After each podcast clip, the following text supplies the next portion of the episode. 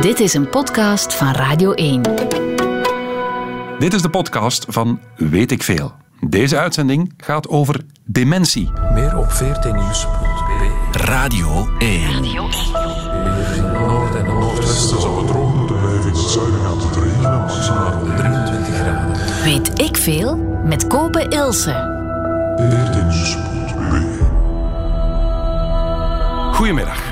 Centraal-Afrikaanse land Burundi heeft sinds het begin van dit jaar 1 op de 2 jongens gekregen. Stel u voor dat je van alles hoort. Zoals het nieuws met Gert van Boksel.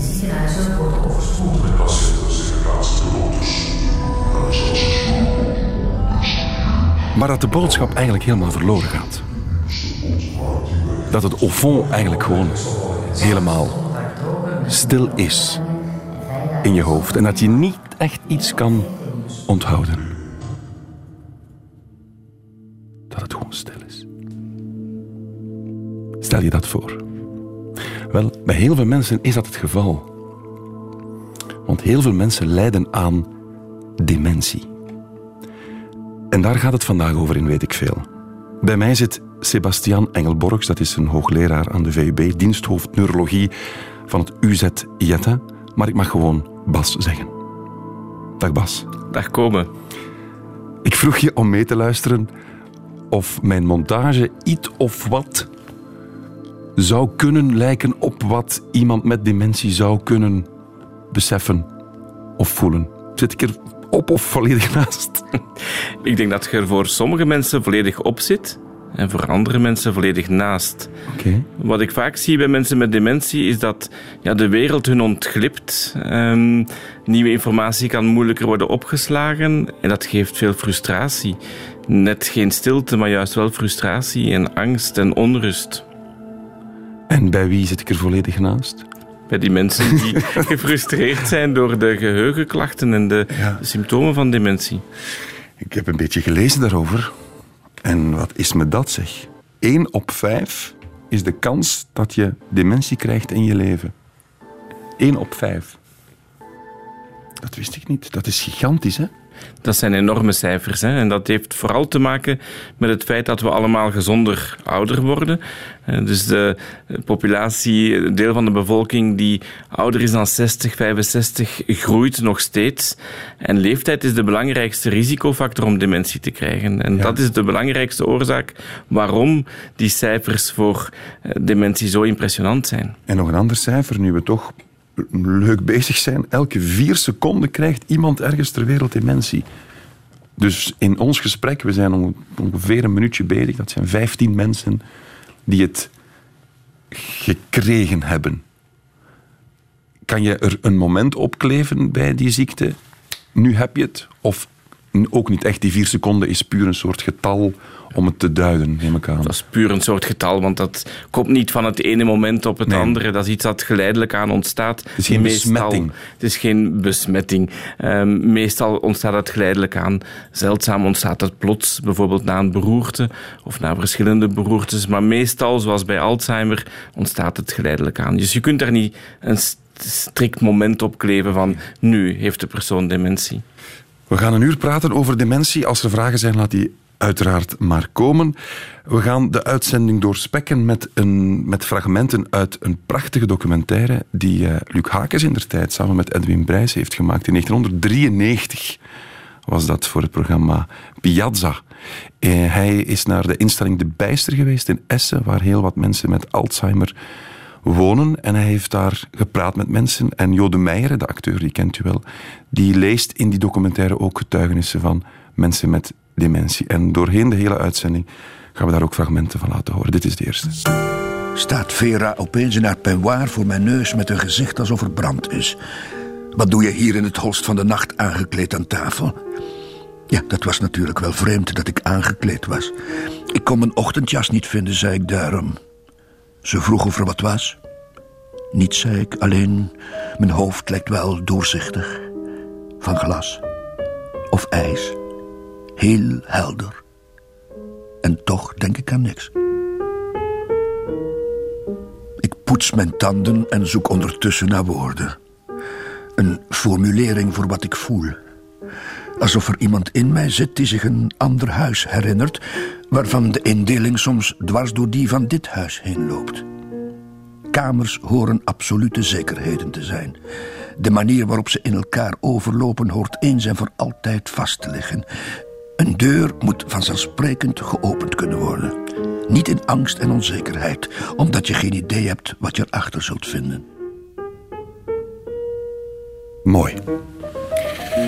Bij ons in de studio. Sebastian Engelborgs, hoogleraar VB en diensthoofd neurologie UZJ. Maar we mogen Bas zeggen vandaag.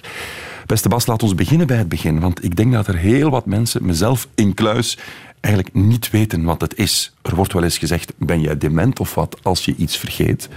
Maar kan je een definitie geven van dementie? Wat is dat nu precies? Dementie is eigenlijk een beschrijvende term. Het Ja. beschrijft symptomen.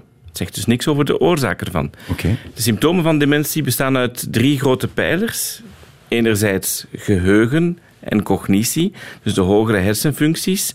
En Voorbeelden daarvan zijn woordvinding, oriëntatie in tijd, oriëntatie in de ruimte, de, uw weg vinden bijvoorbeeld, planning en organisatie. Ja. Eh, daar, moet, daar zijn, bij elke persoon met dementie zijn er tekorten wat betreft cognitieve functies. Bijvoorbeeld ook de supermarkt buiten wandelen en niet meer weten hoe je naar huis gaat. Zoiets. Bijvoorbeeld. Dat zou kunnen. Ja, dat zou kunnen. Alhoewel een supermarkt dan meestal op bekend terrein is, dus Ja, dat, ja. dan moet het al erg zijn. Ik denk dat iemand die eh, de weg naar huis vanuit de lokale supermarkt niet meer vindt, ook niet meer alleen boodschappen gaat doen. Dus Juist. vanuit die optiek is het niet zo'n geslaagd voorbeeld. Maar Ik zwijg. Ehm, dus dat is de eerste symptoompijler. Een tweede symptoompijler zijn de veranderingen van gedrag en karakter. Ehm, daar ontsnapt eigenlijk ook niemand aan.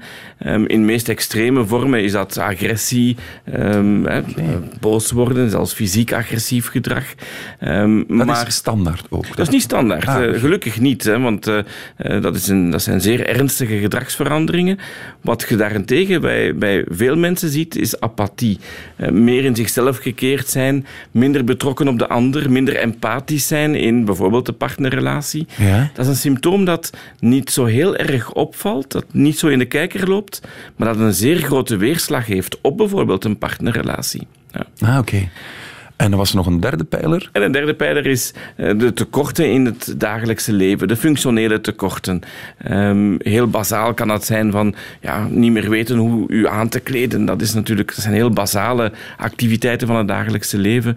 Meer complexe voorbeelden zijn, je krijgt een nieuw huishoudelijk apparaat en je krijgt het niet meer aangeleerd hoe dat te bedienen, bijvoorbeeld. Maar heb je ooit al eens de koffieapparaten van tegenwoordig gezien? Dat is ook vreselijk. Dus het is nu niet omdat iemand nu thuis herkent dat hij zijn microgolfoven niet meer kan bedienen, dat hij per definitie dement aan het worden is. Absoluut niet. Nee, Nee, voilà, dat wou ik zeggen. ja. Hoe, wanneer komen mensen dan bij u op consultatie?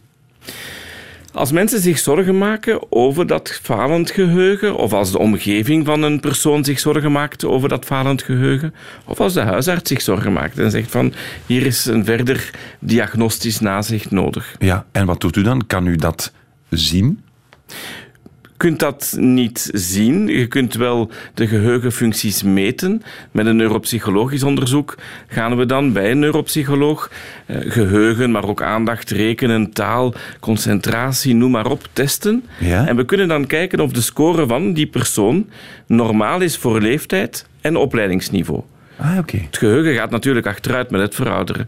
Dus het geheugen van iemand van 70 jaar is niet meer mm, het geheugen als iemand van 20 jaar. Nochtans, die kunnen dikwijls nog de, de gedichtjes uit de lagere school Ja, voordragen. Dat klopt. Dat is echt het permanente geheugen. Dat soort dingen zit daar eh, in gebeiteld. Ja. Maar nieuwe informatie aanleren, dat is iets wat bijvoorbeeld met het ouder worden gewoon moeizamer en trager verloopt. Dus die komen binnen en u zegt, kijk, hier is een, een, een lijst met vragen, een soort gestandaardiseerde vragenlijst. Die mensen vullen die in en op basis daarvan kan u al een bepaalde conclusie trekken. Het is complexer dan dat. Ja. De mensen komen op consultatie en geïnventariseerd de klachten. Eh, Je probeert uit te maken van wat zijn de klachten. Kan het hier nog gaan om leeftijdsgebonden klachten of heb je toch het gevoel dat het ernstiger is dan dat? Het geheugenonderzoek zelf is een apart onderzoek, gebeurt bij de neuropsycholoog. Duurt een uur, anderhalf uur. Dat is een hoog gespecialiseerd onderzoek, hè, waarvoor ja, ja, dat je een, een deskundig iemand, een, een ervaren neuropsycholoog nodig hebt. Het is niet van wie was de tweede koning der Belgen. Nee. Het, het is meer dan dat. Nee, er zijn wel van dat soort screeningstesten die, die je als arts ook eh, tijdens de consultatie kunt doen, die tien minuten duren. Eh, maar die hebben niet dezelfde waarde als zo'n echt neuropsychologisch onderzoek. Wie was ook weer de tweede koning der Belgen? Leopold II. Toch even dubbelchecken. Welke leeftijdscategorie? Want ik denk dat iedereen wel eens iets vergeet. Klopt. Dat is des mensen. Gisteren nog de verjaardag van een goede vriendin, waarvoor mijn excuses, Sarah. Dus dat is zo. Mensen vergeten dingen. Ja. Dat is Dus zo. welke leeftijdscategorie vindt u vanaf wanneer wordt het risicovol? Vanaf wanneer denkt u dit zou iets kunnen betekenen? In C op elke leeftijd. Ah, oké. Eh, Dus je, bijvoorbeeld dementie komt ook voor op jonge leeftijd, jongdementie genoemd. Dus in C is leeftijd niet zo'n goede ehm, variabele om je op te baseren. Ehm, maar natuurlijk, hoe ouder men wordt, hoe groter het risico op dementie wordt. Maar als iemand van 50 jaar komt en die zegt van ik vergeet en daardoor ehm, heb ik tekorten in mijn professionele leven, ik kan niet meer normaal professioneel Ja, functioneren, ja, dat is iets dat je ernstig moet nemen, ook al is die persoon maar 50 jaar. Is vergeetachtigheid enkel te linken aan dementie of Nee. nog aan andere dingen? Absoluut ook aan andere dingen. Zoals? Ehm, er is niks zo gevoelig voor stress, vermoeidheid, slaaptekort als aandacht. En aandacht heb je nodig om nieuwe informatie in je geheugen in te printen. Ja. En ook met het ouder worden wordt aandacht verdelen moeilijker. Ik krijg eigenlijk flink wat vijftigers op consultatie die mij zeggen van kijk, ik kon vroeger een e-mail lezen, eh, een telefoon beantwoorden, nog nadenken over wat de volgende boodschap zou zijn om te versturen en dat gaat niet meer. Ik maak mij zorgen. Nee, net dat verdelen van de aandacht, dat loopt moeizamer als men ouder wordt. Bovendien, multitasken is eigenlijk funest voor het, voor het brein. Dat is eigenlijk absoluut Hoezo? Wij horen dat doen van de baas hier. dat is niet goed. Eigenlijk is dat niet goed. Nee, Baas, absoluut. ik hoop dat de baas aan het luisteren is. Ik hoop het ook voor u. Is niet Absoluut niet goed. Dat vertraagt uw, uw processen, uw denkprocessen. Denk maar als je aan het schrijven bent, je zit achter een computer, je e-mail staat open en je ziet de berichtjes oppoppen. Dat vertraagt uw cognitieve processen enorm, omdat je telkens afgeleid bent. Dus hier het verkeer in doog houden, de volgende plaat klaarzetten, ondertussen lezen wat er binnenkomt en met u praten. Dat is eigenlijk nefast voor het brein. Wel, je gaat dat wel een uur volhouden, maar misschien zelfs wel twee uur. Koop het, koop het. Daarnet ging het even over die pijlers. Hè? Ja. Een karakterverandering kan ook iets, of is een deel van dat dementieproces. hè? Ja. Daar ging het ook over in die documentaire waar we doorheen de aflevering naar gaan luisteren.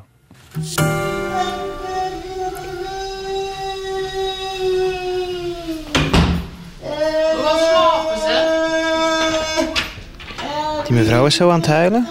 Nou, dat is er. Die kan niet spreken meer. Nee. Dat is aardig. Dat is triestig. Moet ik van benen.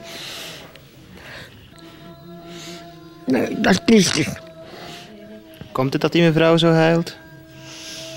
Oh, dat is een aldoer, zeg. Ik hoop dat u mij dit niet kwalijk neemt. En weet u, ik heb een geheugen als een. ehm,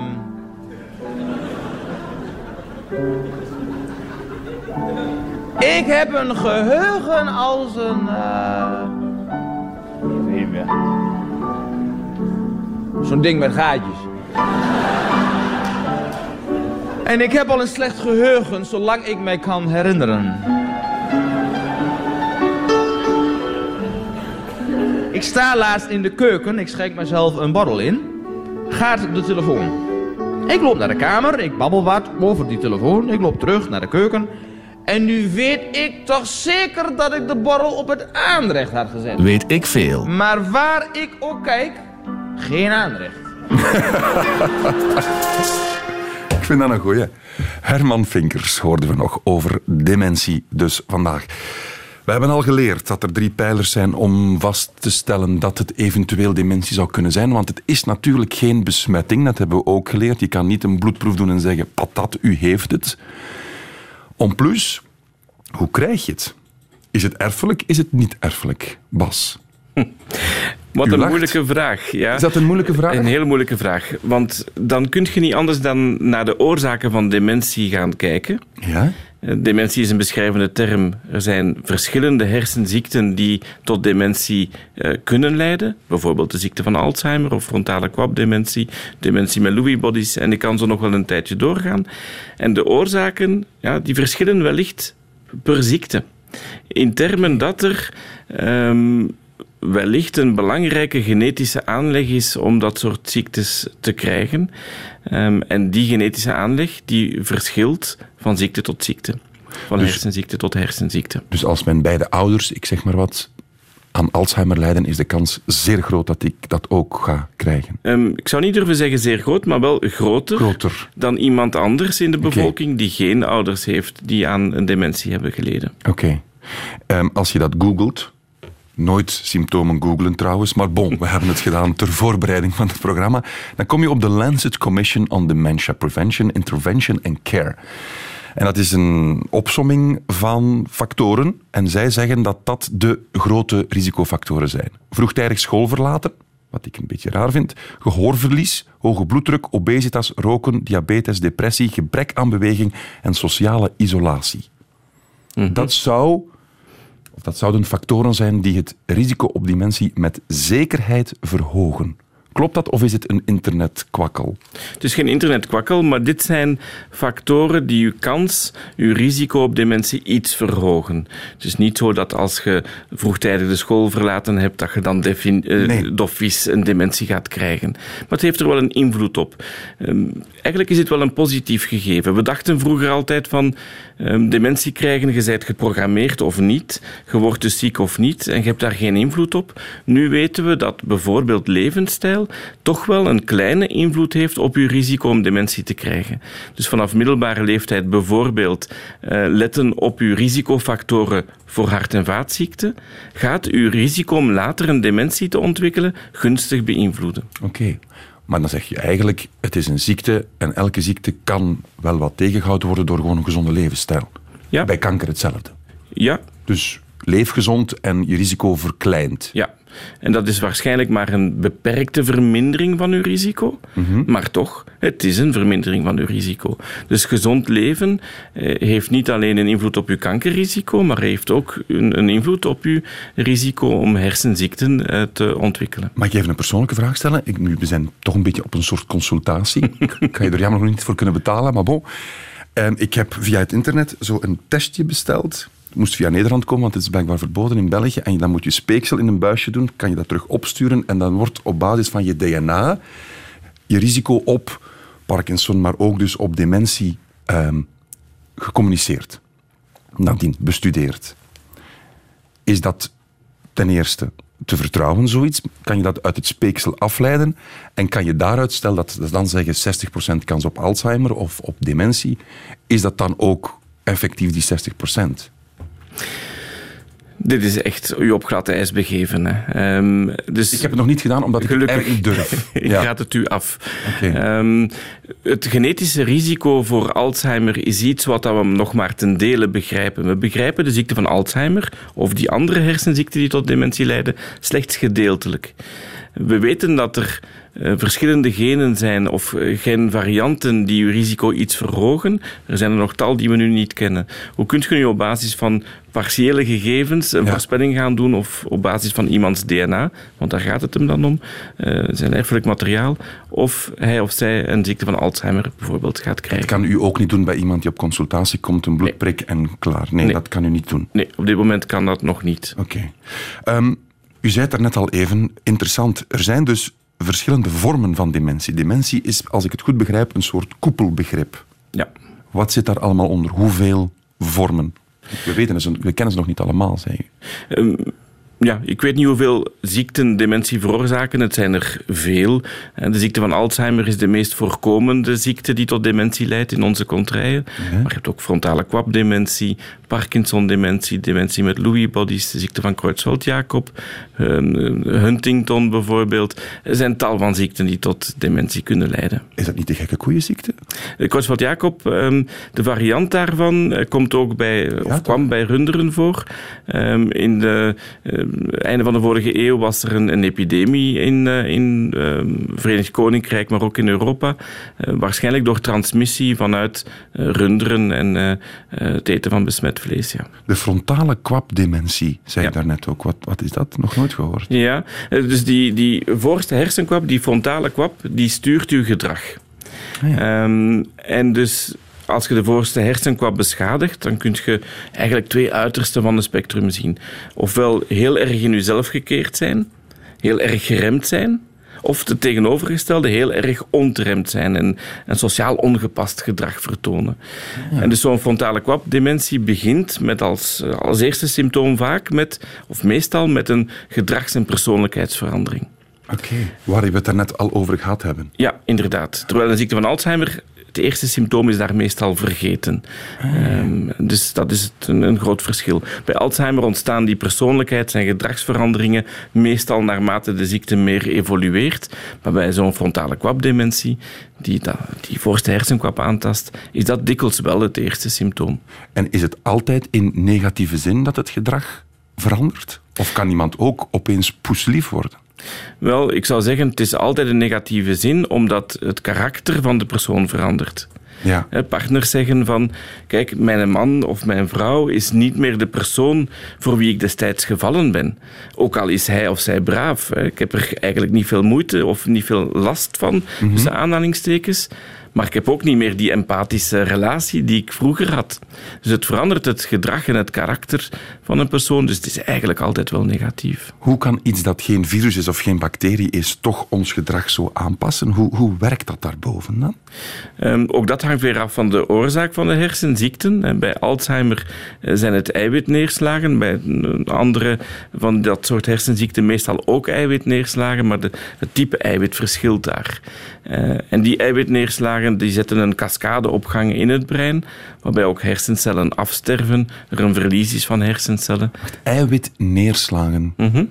Wat moet ik als een soort eiwit dat zich vasthecht aan die cellen, waardoor die niet meer werken? Is, ja. het, is het zoiets? Of die klompjes vormen en neerslaan in het, in het brein. Als je bijvoorbeeld melk kookt, dan ontstaat er zo'n vliesje op het melk. Dat zijn eigenlijk ook samengeklitte eiwitten. Dus dat is eigenlijk wat er gebeurt um, in het brein. Bij bijvoorbeeld de ziekte van Alzheimer gaan eiwitten die in ons brein een rol en een functie vervullen, die gaan van vorm veranderen, waardoor ze samenklitten en dan slaan ze neer als een als onoplosbare klompjes in het brein. En die kan je niet met een pincetje er gewoon terug uithalen? Helaas niet, nee.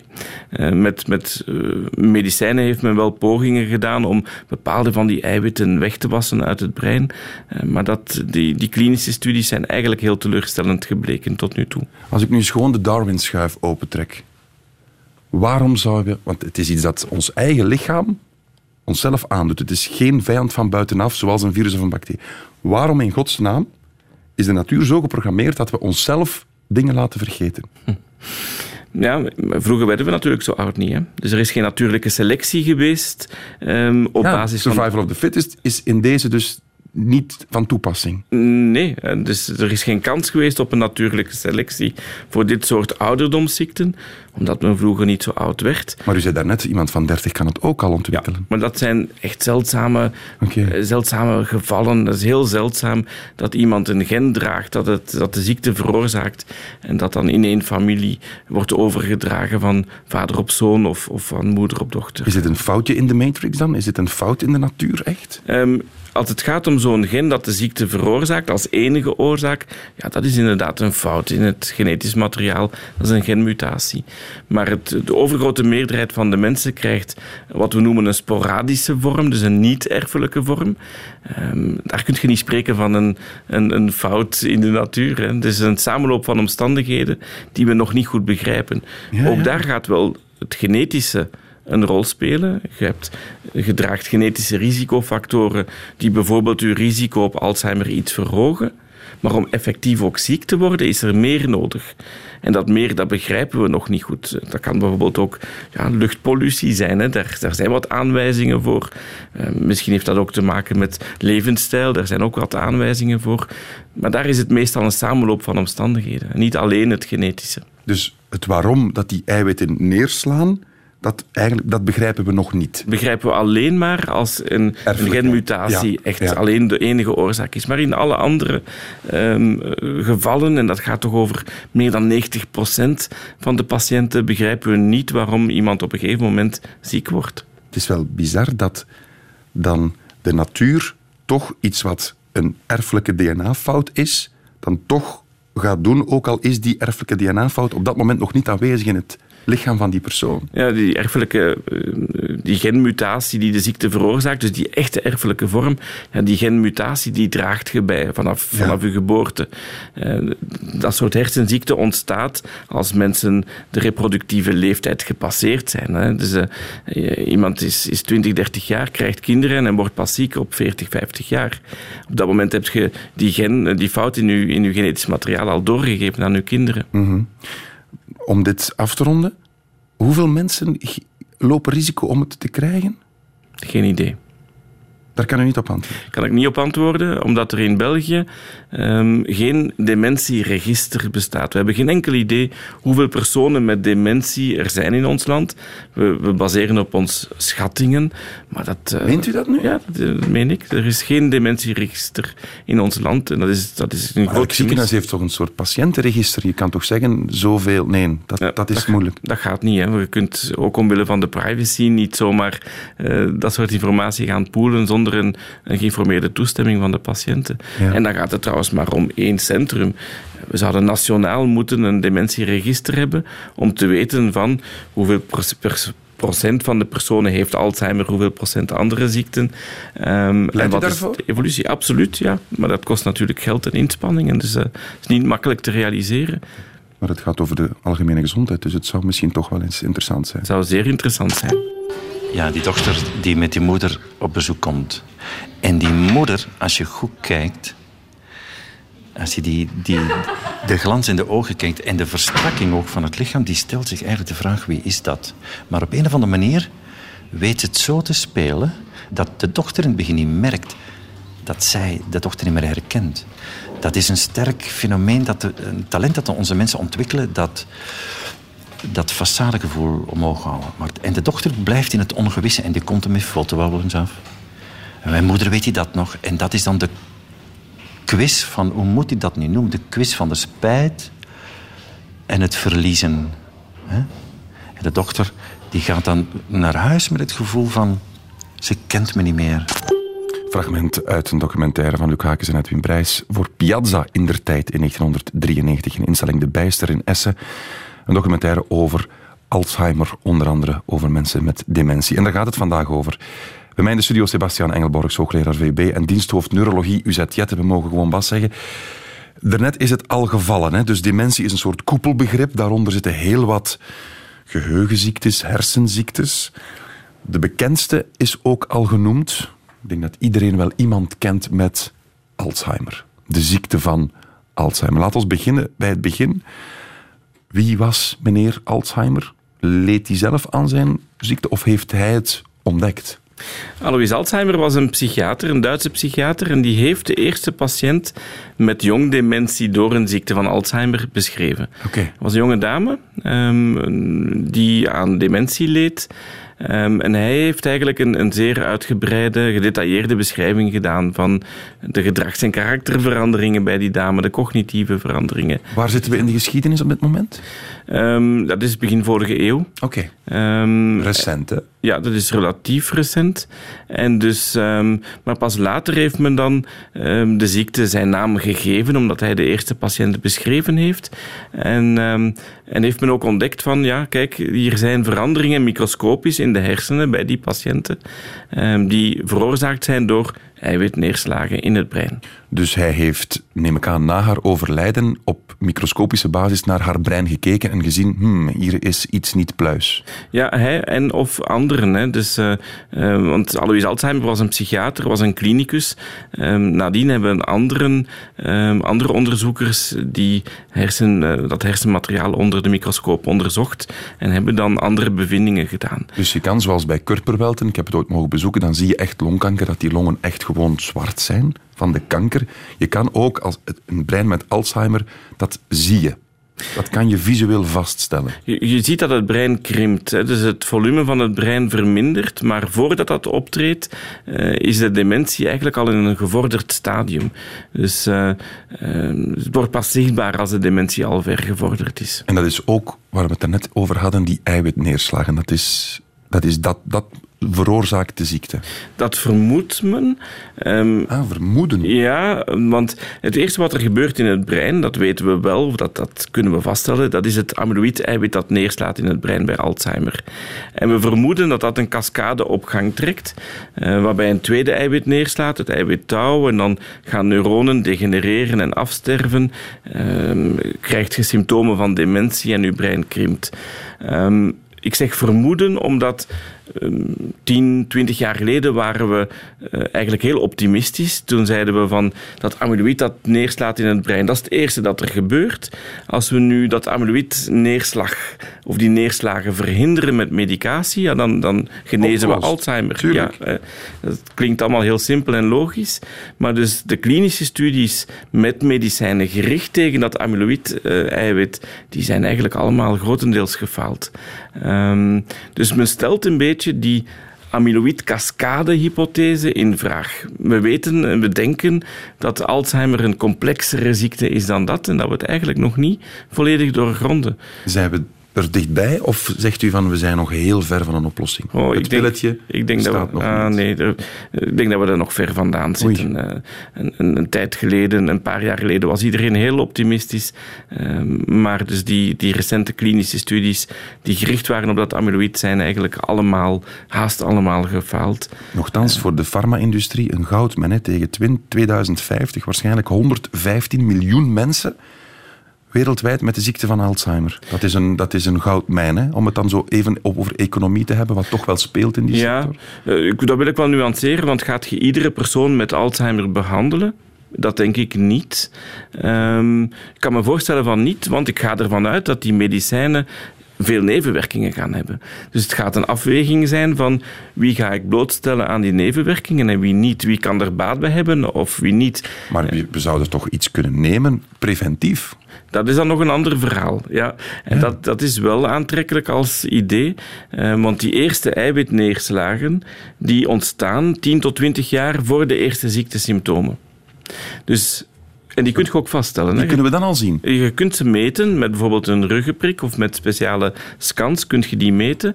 Stel dat je een medicijn hebt dat dan die eiwitneerslagen zouden remmen of stoppen. Ja? En dan zou je eigenlijk de eerste symptomen kunnen uitstellen of afstellen. Dat was ons hele concept toen we op zoek waren naar middelen tegen dat amyloïd-eiwit. Maar dus dat, dat droombeeld, dat scenario ligt wat aan diggelen, omdat die klinische studies eigenlijk uh, bijna allemaal gefaald zijn. Ik hoorde u daarnet zeggen, het brein krimpt. Mm -hmm. Hoe moet ik me dat voorstellen? Lost dat op?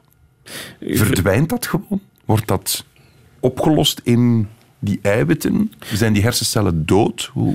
Nee, je verliest hersencellen. Um, is het, het brein van een gezonde 80-jarige weegt ongeveer 1400 gram. Um, het brein van een 80-jarige met een terminale dementie door een ziekte van Alzheimer weegt nog 900 à 1000 gram. Dus je, je verliest ongeveer een derde van de massa van je brein in de loop van dat ziekte-evolutie. Dus dat zijn de herinneringen die letterlijk weg zijn. Hangt, je kunt het niet koppelen aan herinneringen, okay. want um, de symptomen die dat veroorzaakt hangt af van de plaats waar dat je die hersencellen verliest. Uh, is dat een frontale kwapdementie, dan is dat de voorste hersenkwap. Dan gaan ah, gedragsveranderingen erg op de voorgrond staan.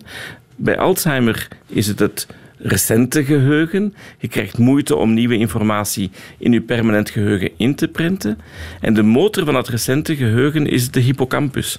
Dat is een structuur die ligt aan de binnenkant van onze slaapkwabben. De hersenkwabben achter de slapen. En daar ontstaan ook precies bij de meeste personen met Alzheimer die eerste eiwitneerslagen. Dat is ook de reden waarom de meeste mensen met Alzheimer die recente geheugenproblemen als eerste symptoom hebben. Ja, dat vroeg ik mij altijd af, want hoe komt het toch dat. Ik ken het in mijn zeer nabije persoonlijke kring ook. Iemand met Alzheimer. Een liedje uit de kindertijd. Herinneringen uit de kindertijd op de speelplaats. Perfect kunnen aanvertellen. Maar ze weten niet wat ze tien minuten geleden gegeten hebben. Dat komt Ja. Daardoor. Dat komt omdat die, die motor die nieuwe informatie moet wegschrijven in uw permanente geheugen. Die begint te sputteren, die begint te haperen. En daar kan je je klok op gelijk zetten. Dat is altijd zo. Dat is niet altijd zo, hè, want je hebt mensen met een ziekte van Alzheimer die op een andere manier, met andere symptomen beginnen. Hangt eigenlijk af van waar die eiwitneerslagen in het brein gelokaliseerd zijn. Ja. Is het, dat is dan eerder een persoonlijke vraag, is het het ergste wat je kan overkomen, aftakelen met Alzheimer? Is dat uw persoonlijk doembeeld ook? Ik denk dat dat vreselijk moet zijn, omdat het uw, uw karakter, uw persoonlijkheid aantast. Je bent niet meer de persoon die je waart. Ik denk dat dat, dat moet vreselijk zijn. Ja. Het is wel mijn doembeeld, inderdaad. En beseffen mensen het? In het beginstadia vaak wel, later ogenschijnlijk minder. Ehm, dat besef valt niet te meten, hè. maar in- zeker in de beginstadia zie je dat, dat mensen echt lijden onder het feit dat ze eh, meer vergeten, dat ze Ja. niet meer kunnen wat ze vroeger wel konden. Dus u ziet veel opstandigheid bij u in de praktijk. Eh, redelijk veel. Ik zie redelijk veel mensen lijden, absoluut. Ehm, ja, zeker wel. Het is eigenlijk een vreselijke hersenziekte. Er wordt ook meer en meer, ja, Hugo Claus heeft, eh, is, was daar ook bij, meer en meer preventief dan bijna aan euthanasie gedacht. Om het niet zover te laten komen. Wel, we, we zijn in staat om de diagnose vroeger en correcter te stellen dan vroeger. Ehm, wat betekent dat veel mensen die nu een diagnose krijgen nog beslissingsbekwaam zijn. Ja. Dus veel patiënten zijn inderdaad in staat om te bepalen van wat wil ik naar de toekomst toe? Wat wil ik wel, wat wil ik zeker niet? Ehm, je kunt bijvoorbeeld ook een negatieve wilsverklaring opstellen en zeggen van kijk, in een terminaal dementiestadium wil ik niet kunstmatig gevoed worden. Maar er zijn ook mensen die zeggen van die deur naar euthanasie houd ik open. Eh, we hebben een, een, een wetgevend kader desbetreffend Ja, in want- ons land. Want waar leg je natuurlijk de grens? Hè? Wat is menselijk? Dat is toch een ongelooflijk moeilijk vraagstuk. Daar Wel- kan u toch ook, denk ik, onmogelijk op antwoorden. Dat is aan de patiënt om dat te bepalen. Ja. Dat is voor iedereen anders. Wat is menselijk, is, eh, ja, moet bepaald worden door de patiënt zelf. En als deze klik is, dan heeft dat iets definitief. Dus s'avonds, als het hier veel stiller is in de instelling... en als het verkeer weg is van het bezoek... dan heb je deze klank. En dat klinkt in een enorme leegte. En dat is eigenlijk een vraag van ik wil naar huis. Want onze mensen willen altijd maar naar huis. Ze willen naar huis omdat daar nog iemand wacht, maar die is eigenlijk al lang dood. Ze moeten naar huis voor hun kinderen, maar die kinderen zijn al lang getrouwd. En hoor je dus altijd dit. Dit is de vraag van ik wil hier weg, ik wil naar huis. En als dat weer klinkt in die leegte, dan, eh, dan zie je dat er op die vraag geen antwoord kan komen. Het, s- de instelling zwijgt dan. En vooral het bordje uitgang. Een fragment uit een documentaire. Elke dag verdwijnt er wel iets van Luc Hakes en Edwin Brijs uit 1993 voor Piazza in der tijd. Misschien moeten we toch eens nadenken om die eh, online te zetten straks. We gaan eens bekijken. Gaan we dat doen? Ah, ze staat online, krijg ik hier te horen. Voilà. Dus op de website Radio 1 vindt u het Piazza van goh, 30 jaar geleden bijna. En toch brandend actueel, Bas. Absoluut. Het is van alle tijden. Hè. We gaan het ook nog wel even hebben, hè, die ziekte. Ik vrees van wel, ja. kunnen we nu iets doen om het te voorkomen? Kunnen we kruiswoordraadsels invullen om dat brein te blijven stimuleren? Kunnen we sudokus beginnen doen? Wel, we weten dat levensstijl een, een, uw risico op dementie iets vermindert. Dus wat kunnen we doen? Dat is gezond leven. Ehm, risicofactoren voor hart- en vaatziekten in de perken houden. Ja. Eh, want die hebben ook een invloed op het brein. Maar dat zijn allemaal wat, wat wollige dingen natuurlijk. hè. Drink Ja. niet te veel en beweeg wat. En, Ja, maar en- dat is wel degelijk... Dat heeft zin. Ehm, overmatig alcoholgebruik vermijden, overgewicht vermijden. Als je hoge bloeddruk hebt, hoge bloeddruk behandelen. Eh, Het zijn allemaal zaken die zeer veel zin hebben eh, naar, naar hart- en vaatziekten toe, maar dus ook naar uw risico om een dementie te krijgen. Ja, mag ik even gaan voor de volledige stijlbreuk? Want het hoort bij het format dat er nu gekwist wordt. Het is een beetje een raar thema om het te doen, maar toch, we gaan proberen. We gaan eindigen op een vrolijke noot. Bas, Oké. heb jij wat vragen voor mij? Ja, wel, ja, ik heb een paar vragen. Oké, shoot. Wat is typisch voor een frontale kwapdementie? Gedragsverandering. Absoluut. Dat klopt, hè? Absoluut. Wat is Wacht, meest- ik ga even... Voilà. dat geeft mij een goed gevoel. Wat is meestal het eerste symptoom bij Alzheimer? Vergeetachtigheid. Absoluut. Klopt dat? Ja, dat vergeet. eh, Dat, dat, eh, vergeet. Dat, dat klopt helemaal. Ja. In welk deel van het brein ontstaat Alzheimer meestal? Eh, ah, de slaapkwabben ergens achter eh, de oren. Juist, inderdaad. Ja. Corrigeer mij eens, maak het eens helemaal correct. Ja, de binnenkant van de slaapkwabben. Daar zit de motor van dat recente geheugen. Geef me jij een punt of niet? Ik geef u een half, een half, een half puntje. Oké, 2,5 op 3. Daar kan ik het voor doen. Ja, nog één vraag? Wie was Alois Alzheimer? Dat was de man eh, die begin vorige eeuw de allereerste diagnose heeft gesteld bij een 50-jarige vrouw. Perfect. Ho, ho, ho, zijn goed bezig. Ongelooflijk, dat is de grootste onderscheiding, hè? Ho, zeg, amai, zeg, ik begin te blozen. Mag ik u ongelooflijk danken voor dit zeer intens, maar interessant uur? Graag gedaan. Dit is het einde van deze podcast van Weet ik Veel. Weet ik Veel is trouwens een programma van Radio 1. Op radio1.be vindt u nog veel meer.